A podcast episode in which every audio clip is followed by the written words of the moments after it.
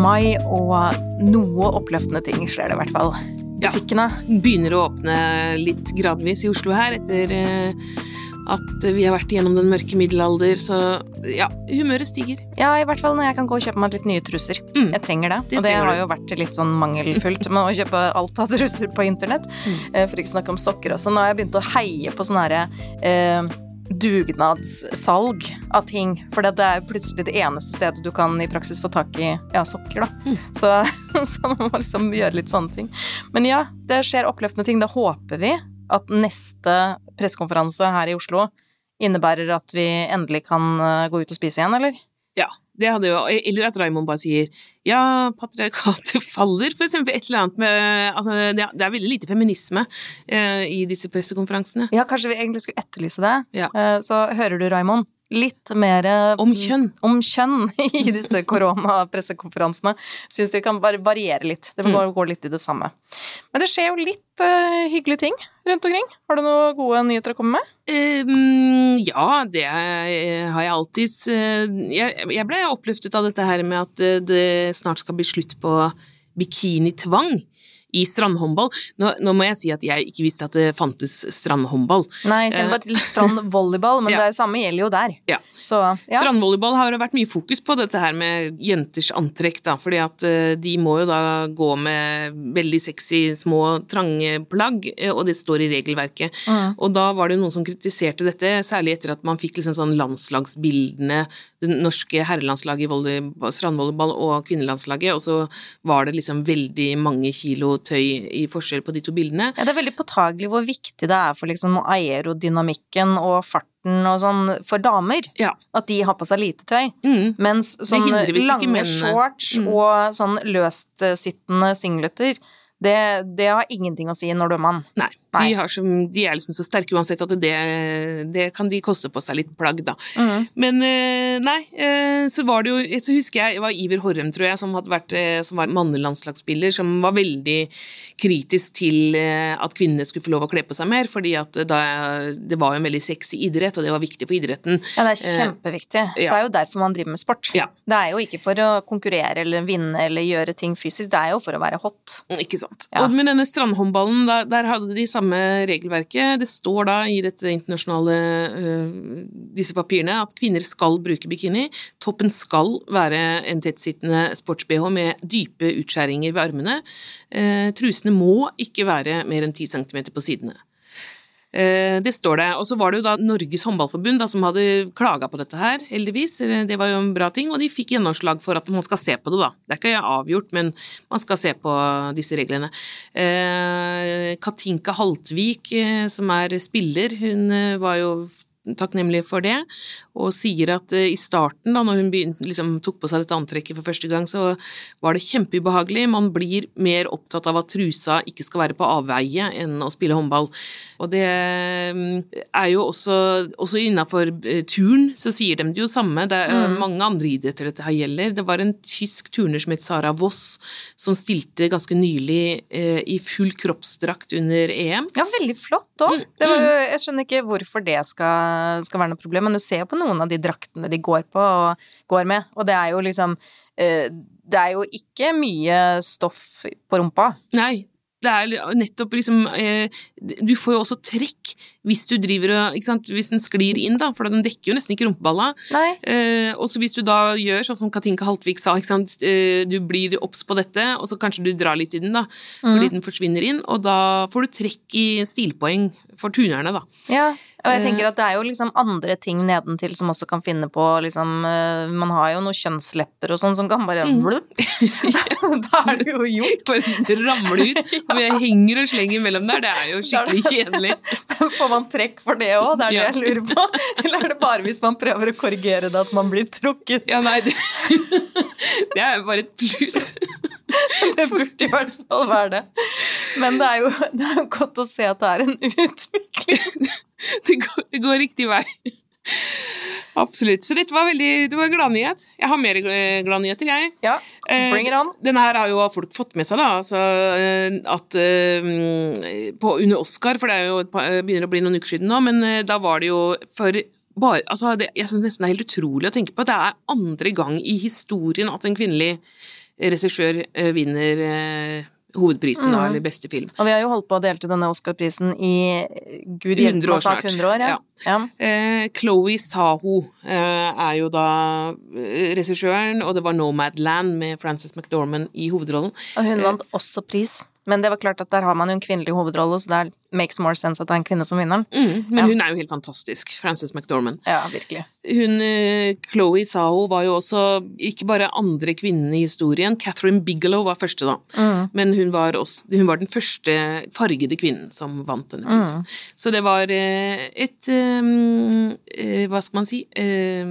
Ja, det var noe som er verdt å feire Ja. og markere, og regne med at det ikke blir uh, siste gang det skjer. Og så må man jo si til de som ikke har sett Nomadland at det må, det må alle gjøre. Den er veldig, veldig, veldig fin.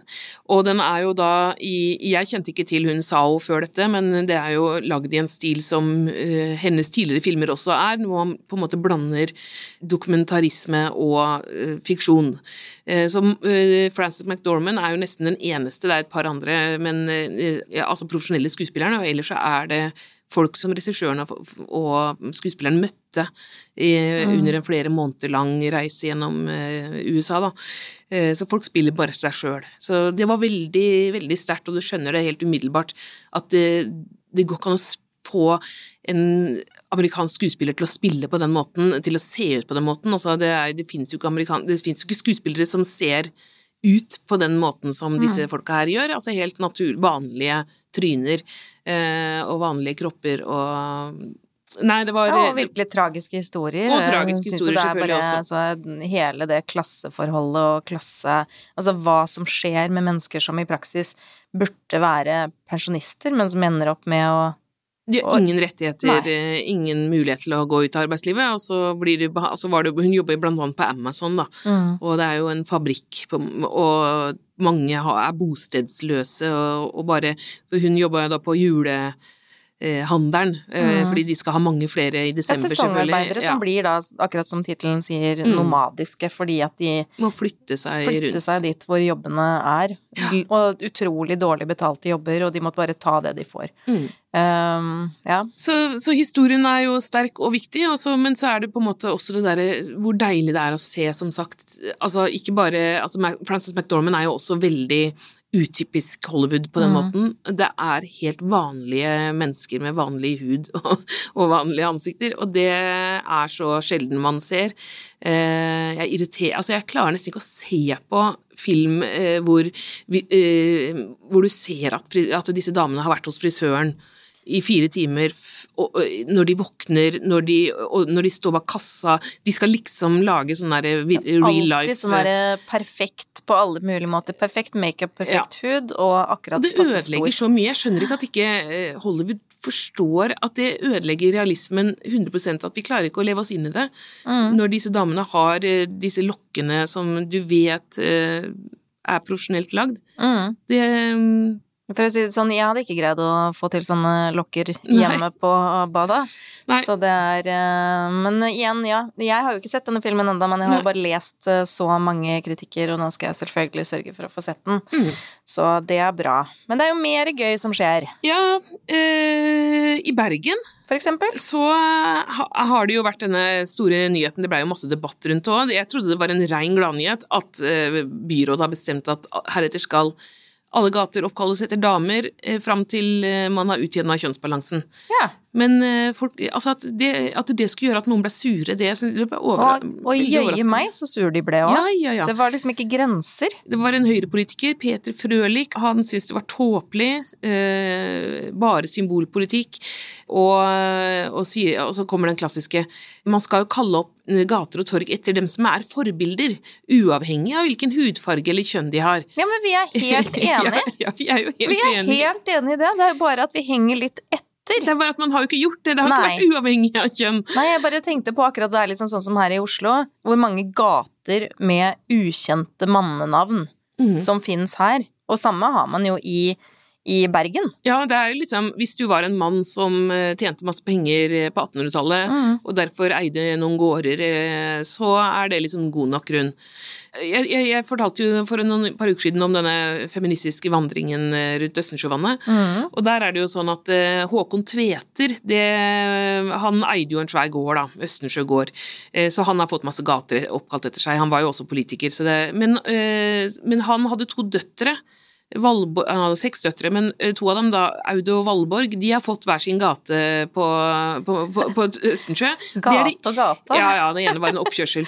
Men, men det er de to liksom eneste Altså det er 29 menn på, i Østensjø som har fått gatenavn, og så er det to, da, to damer, og de har fått det bare fordi de er dattera til han Håkon Tveter. Ja, ja. Og sånn og hvorav hun ene bare fikk en gatestump i tillegg. Ja. Så det er ikke en hel gate engang. Nei, og det, det er så typisk, for det har liksom gått litt igjennom disse gatenavnene i Oslo i forbindelse med den boka jeg skriver, og da eh, det er liksom eh, veldig mange som bare har fått eh, De er bare fornavn da på disse damene, og det er fordi de er dattera eller kona til en eller annen mann med penger. Eh, og ellers så har liksom disse mennene med, med en eller annen stilling på 1800- og 80-tallet, masse sånne yrker som ikke fins lenger.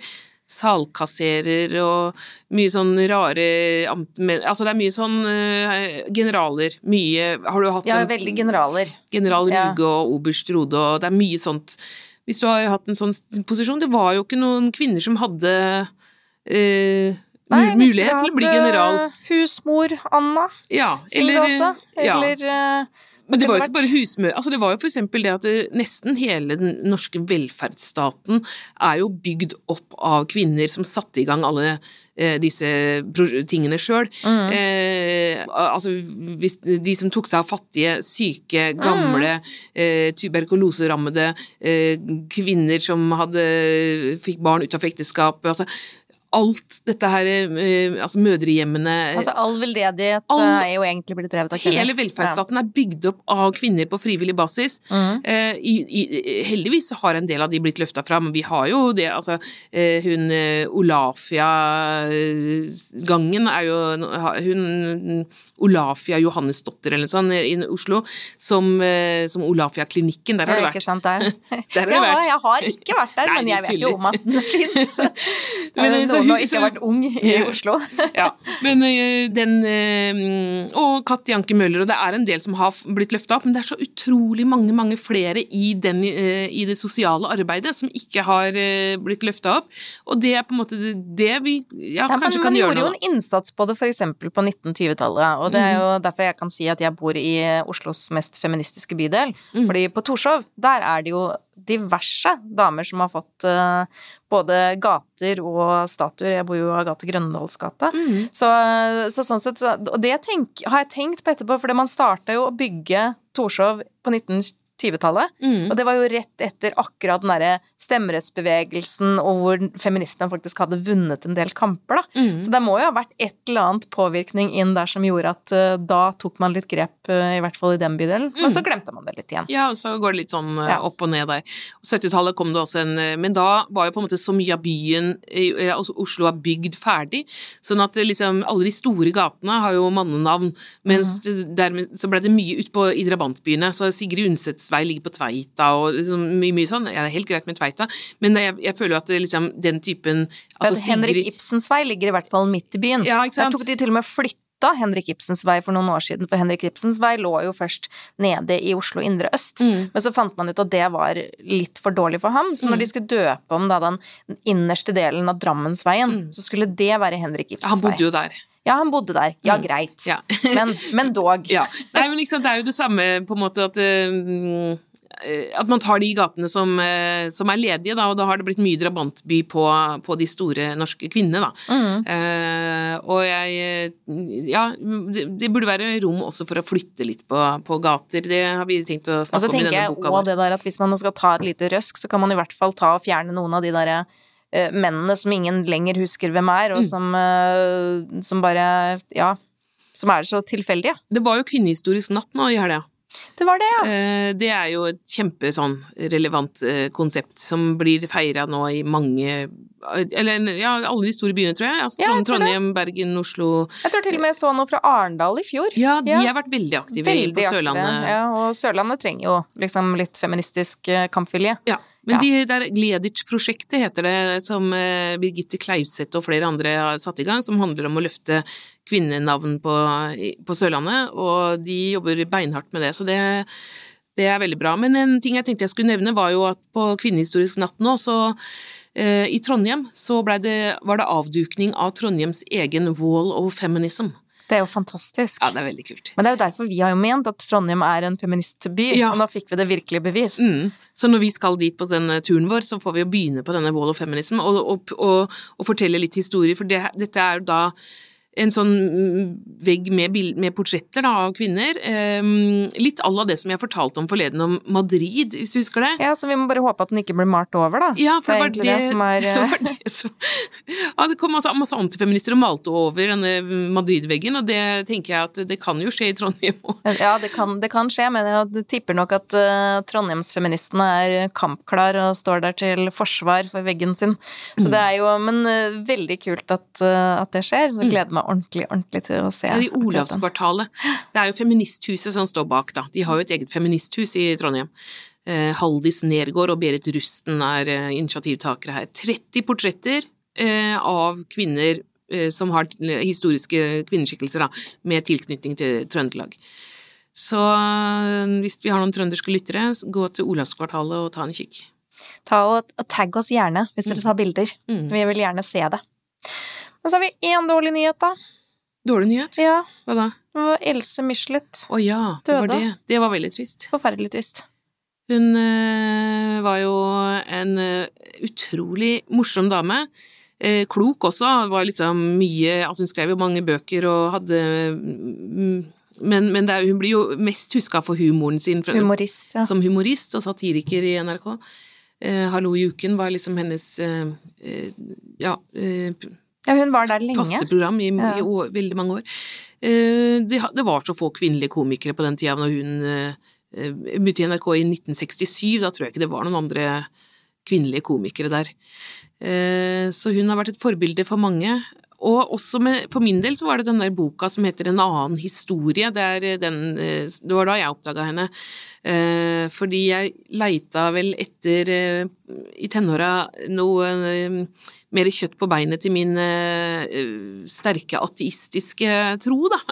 altså, altså, det høres rart ut, men eh, veldig mange eh, jeg tror veldig mange ser på det med eh, å være ateist som noe som liksom ikke ligger så dypt i folk. Altså det, altså man er liksom sånn, det er en sånn overfladisk greie, og det, det, er ikke noe, det er ikke noe syn på ateister. Det, altså de som er eh, kristne eh, eller har, andre, har en religiøs tro, de skal man trå litt forsiktig med, for at det kan jo, de kan jo bli veldig såra. Mm -hmm. liksom-. Men ikke ateister, altså. Men ateister de blir liksom ikke såra på vegne av sin overbevisning. Eh, eh, mens jeg opplevde jo da i oppveksten at jeg faktisk blei det. Eh, Jeg syntes det var vondt eh, jeg, liksom at vi måtte, vi måtte faktisk stå ved siden av pulten hver eneste morgen og be eh, og synge en sang til Gud.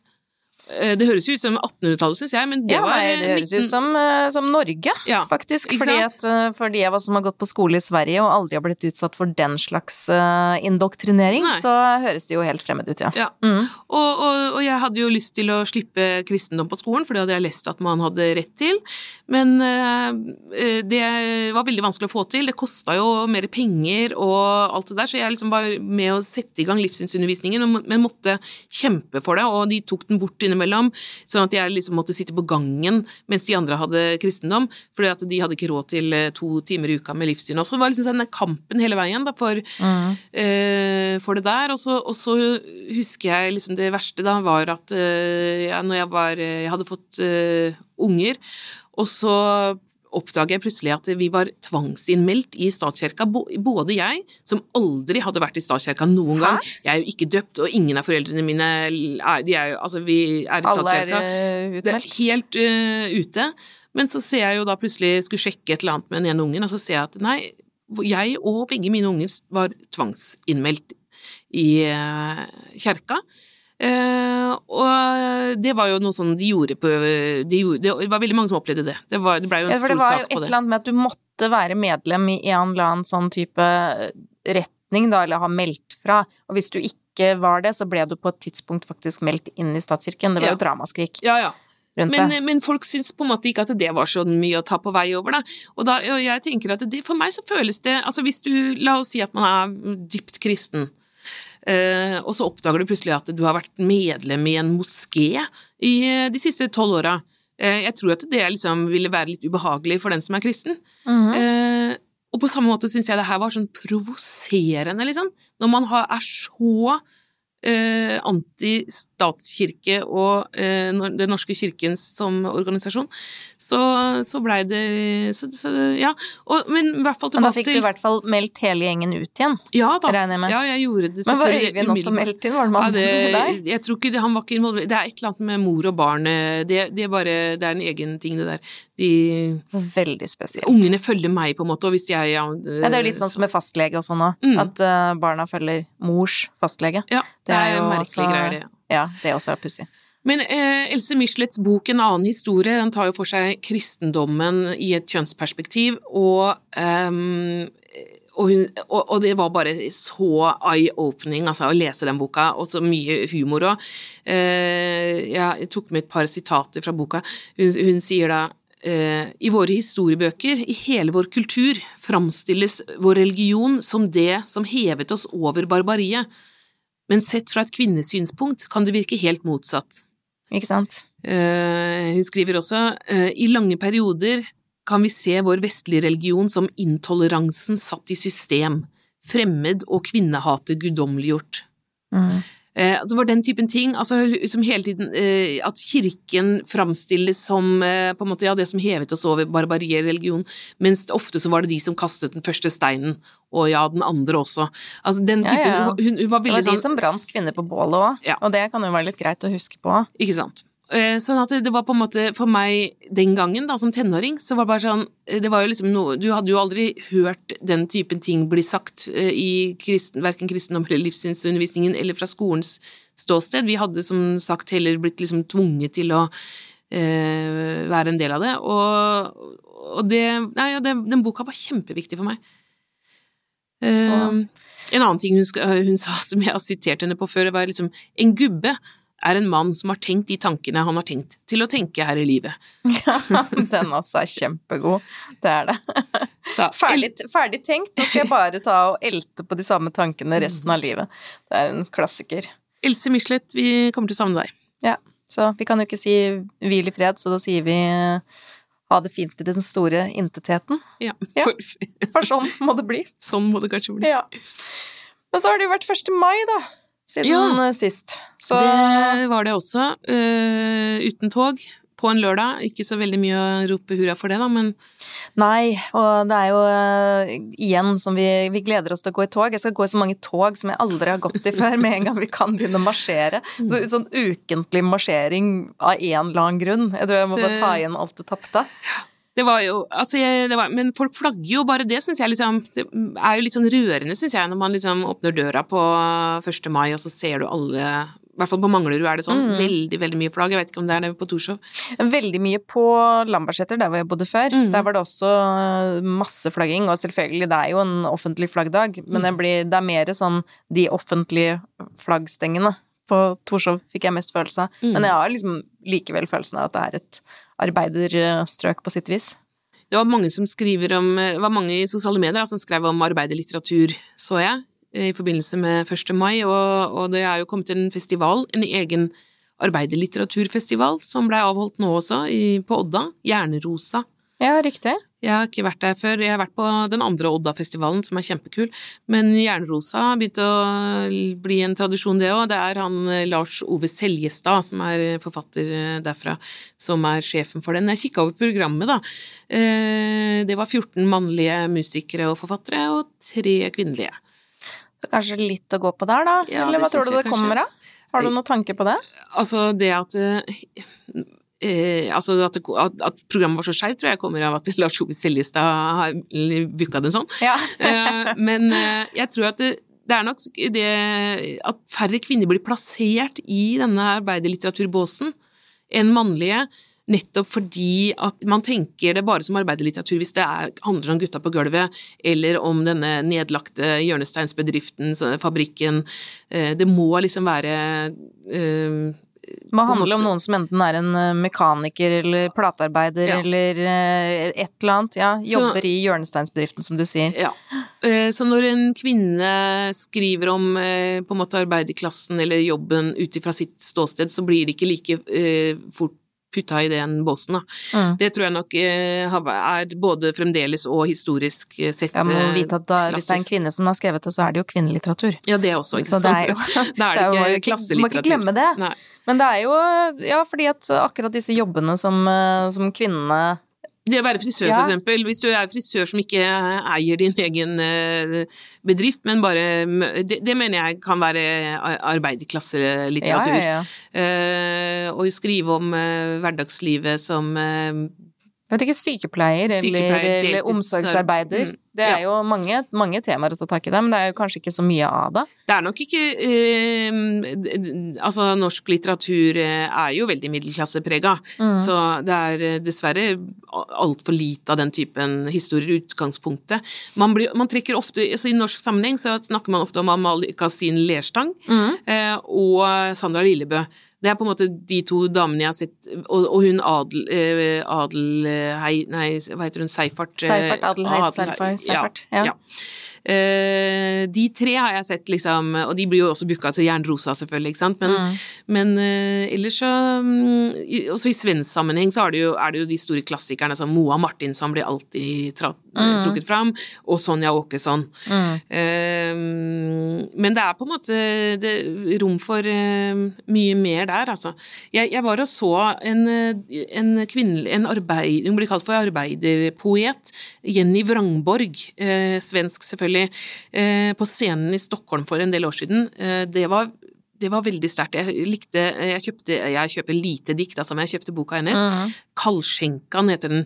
Kolljomfru er jo det på norsk. Riktig. For hun jobber jo da eh, som kolljomfru, rett og slett. Altså, mm. Det vil si at hun Man lager jo da Jeg syns det virker så deilig å være kolljomfru. Ja, hun lager alt som er egentlig ikke varmmat. Ja. I enten en restaurant eller en kantine eller et eller annet sånt. For at hvis du skal Hvis man skal være kokk, så må man jo jobbe seine kvelder og netter, og du må stå i en sånn og få kjeft fordi at eh, alt skal serveres akkurat nå og nå fordi mm. det skal være varmt og sånn.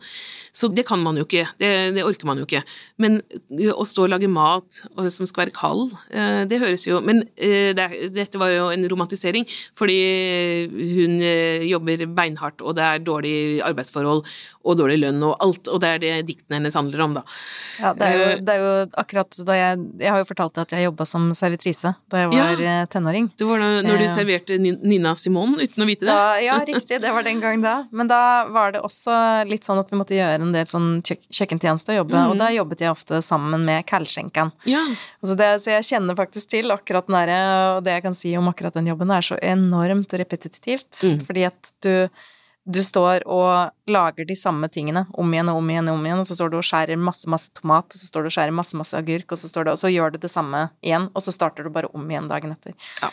Så det, er, um, så det er i hvert fall ingenting som inspirerte til at det har jeg lyst til å vie livet mitt til. Nei, Nei. jeg skjønner. Hun, hun, men jeg, hun har en sånn linje der som jeg Jeg kan jo ikke svensk, da, men eh, Ni hør oss kanskje inte enn. Ni kanskje inte ser oss, men vi er her, og vi forbereder oss på å ta over. Og det var sånn åh, Jeg syns det var så fint. Det er det. Det er fint. Men det er akkurat sånn som uh, Amalie uh, Kasin Lerstang, som du mm. også nevnte, har jo mm. også skrevet en helt fantastisk uh, diktsamling som går på det med liksom Notodden ja, som liksom indust, industristedet Notodden, og liksom dette flere generasjoners arbeiderklassearbeid, og det som sitter liksom i, i blodet ditt, nærmest, liksom, når du har har fått, fått, inn fagforeningen, virkelig, med, med melka når du ble blir amma. Altså, det er eh, men det er utrolig kult. Hun er kjempe Jeg bare håper hun kommer med noe nytt snart. Mm. Mm. Sandra Lillebø er jo veldig aktiv, da. Uh, hun, var, hun, var, på denne festivalen nå, så jeg. Uh, Jernrosa. Jeg husker Første gang jeg la merke til henne, var jo i en sånn klassedebatt, faktisk, med Kjartan Fløgstad, mm. hvis du husker det for noen år siden, hvor, hvor han eh, Det var en debatt om eh, franske forfatteren Edouard Louis. Okay. Eh, han hadde kommet med denne boka 'Farvel eh, til Eddie Bellegull', eh, som eh, fikk veldig mye oppmerksomhet i Norge. Klassekampen hadde jo liksom omtrent daglige eh, oppdateringer på Edouard Louis. Det var veldig mye Edvard Louis i monitor der en stund, ja. Ja, Mm. og da eh, Og så skrev Fløgstad en, ess, en essaysamling eh, hvor han eh, kritiserte eh, Edouard Louis' eh, bok, eh, egentlig, og mye på grunn av hvordan, hvor negativt han framstilte arbeiderklassen. Mm. For at denne eh, historien til Edouard Louis handler jo om å vokse opp i, i fransk arbeiderklasse. Og ikke bare arbeiderklasse, underklasse. Ja, egentlig. Virkelig. Ja, en, en form eh, eh, Kanskje et sjikte vi ikke har i Norge engang. Altså Mm. virkelig fattigdom. Eh, og han var jo homo, og det var kjempetøft i den, det miljøet. Så han skriver jo om det, om den eh, homofobien og egentlig nesten sånn ondskapen han møtte, da. Mm. Eh, og det er på en måte det den boka handler om, og det at han da eh, Og klassereisen, da, til, til, som han foretar. Ja.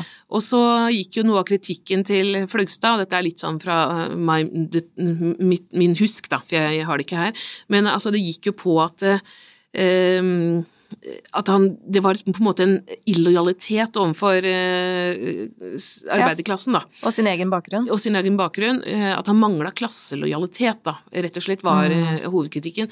Fordi det, de blei så dårlig negativt framstilt. Eh, og, og så fikk han jo litt motstand på det igjen, Fløgstad. For forfattere sier 'hallo, skal vi ha Altså det er jo på en måte litt sånn som det Er det noe man skal sitte og tenke på også, liksom? 70-tallsprosjektet var jo litt sånn, ikke sant, å skrive med, å hele tiden ha et politisk prosjekt eh, gående som eh, gjør at du ikke kanskje forteller den historien som er din egen, men du forteller den historien som du tror at folk trenger, samfunnet trenger å høre. Og det, det har jo på en måte Det ble jo slått tilbake igjen på 80-90-tallet, så, så fikk jo den tankegangen eh, eh, smekk. Eh, og det var jo det som Sandra Lillebø også Hun forsvarte jo eh, Edouard Louis, eh, og sier at man kan jo ikke bare skildre arbeiderklassen som moralsk god, man, eh, ikke sant. Eh, eh, samfunnsklasse har ingenting med personlig moral å gjøre, sa hun. Eh, og så, men så, så, så var det litt sånn Jeg husker at eh, så var det noen som sa ja, ja, men eh, hvor Jeg husker det ble stilt spørsmål ved hennes kompetanse på et eller annet nivå, og så, og så kom det plutselig bare sånn Ja, hun har faktisk bodd i Drabantby i Frankrike i mange år. Altså, Ja. hun vet ganske mye mer om akkurat det enn Fløgstad, faktisk. Eh, sånn, og jeg bare hun, Jeg følte liksom at hun bare kom med sånn tyngde og smack. Det var bare sånn veldig bra svar fra en da forholdsvis eh, ung, ukjent eh, eh, kvinnelig forfatterstemme. Så og, altså, jeg følte at hun bare plasserte seg sånn veldig, veldig bra i, i den debatten. i den debatten Ja. der. Så, og siden, etter det så har hun jo skrevet masse eh, flotte bøker. Ja, for det er jo igjen der liksom skal man eh, Kanskje vi skal nå innføre et sånt alderslojalitet også? Skal vi gi dem de en sånn fribillett for å det er, jo, det er jo gøy når det kommer nye stemmer og tar over. Mm. Men det er jo interessant det der med liksom klasselojalitet. Eh, Det er jo Når man kommer sånn fra den bakgrunnen som jeg kommer fra, som er liksom fra en familie hvor ingen har høyere utdannelse, de fleste jobber som ufaglært innenfor omsorgsyrker, eh, og vokste opp i et liksom hjem som ikke Altså, kultur var jo ikke noe vi forholdt oss til. Det var jo ingenting som lignet på liksom intellektuell tankegang, og, og det er klart at jeg er jo uendelig glad i min egen familie, eh, men føler jeg at jeg er nødt til å ha en lojalitet overfor det miljøet jeg vokste opp i? Nei, jeg syns ikke nødvendigvis det. Ja, du har jo liksom foretatt en slags klassereise på mange måter. Altså Altså ganske skikkelig en, vil jo jeg si, når man ser tilbake på det. Det var jo ikke noe plan da jeg vokste opp at det, at det skulle skje. Um, Hva skulle skje? At du skulle sitte i Oslo og jobbe i et forlag? for eksempel. Mm. Altså, det var jo ingen som hadde introdusert det som en eh, mulig karrierevei. Og, det er jo liksom egentlig det jeg kan se på som, som litt eh, Ikke bittert overfor min egen familie, men kanskje litt mer kritisk overfor de folka som tross alt var rundt meg, da. Av lærere, eh, andre voksne. Eh, at det aldri ble liksom nevnt høyere utdanning som en vei å gå. Mm. Og det tenker jeg jo sånn som med Edvard Louis òg, liksom at det er den derre Sannsynligvis den bakgrunnen han også kommer fra. Og det er jo det man kan se på i ettertid, da hvis man skal snakke om noe som helst type bitterhet, så Mm. er det jo akkurat det der liksom at hva hvis noen hadde sagt til meg at jeg kunne ha gjort Mm. Eller Noe- sett eller at man sett hadde en, sett hva man hadde, og føler du at du ble motarbeida, eller? Nei, jeg kan ikke si at jeg føler at jeg ble motarbeida, um, men jeg opplever jo altså det, mer av uvitenhet. Altså det er jo ikke det sånn at noen har prøvd å stoppe meg fra å gjøre noen ting jeg har hatt lyst til. Det har jo alltid blitt uh, eh, Jeg har jo alltid fått lov å finne min egen vei. Mm. Um, men jeg føler jo ikke at jeg har blitt heia på heller. Det er det, det kan jeg nok se Ikke på. sant? Så, men igjen, lojalitet, skal man ha klasselojalitet, så jeg tenker jo at jeg kan jo Jeg har jo ømhet og kjærlighet for både min familie og masse gode minner fra egen oppvekst, men sånn stor lojalitet, ja, det føler jeg ikke så veldig.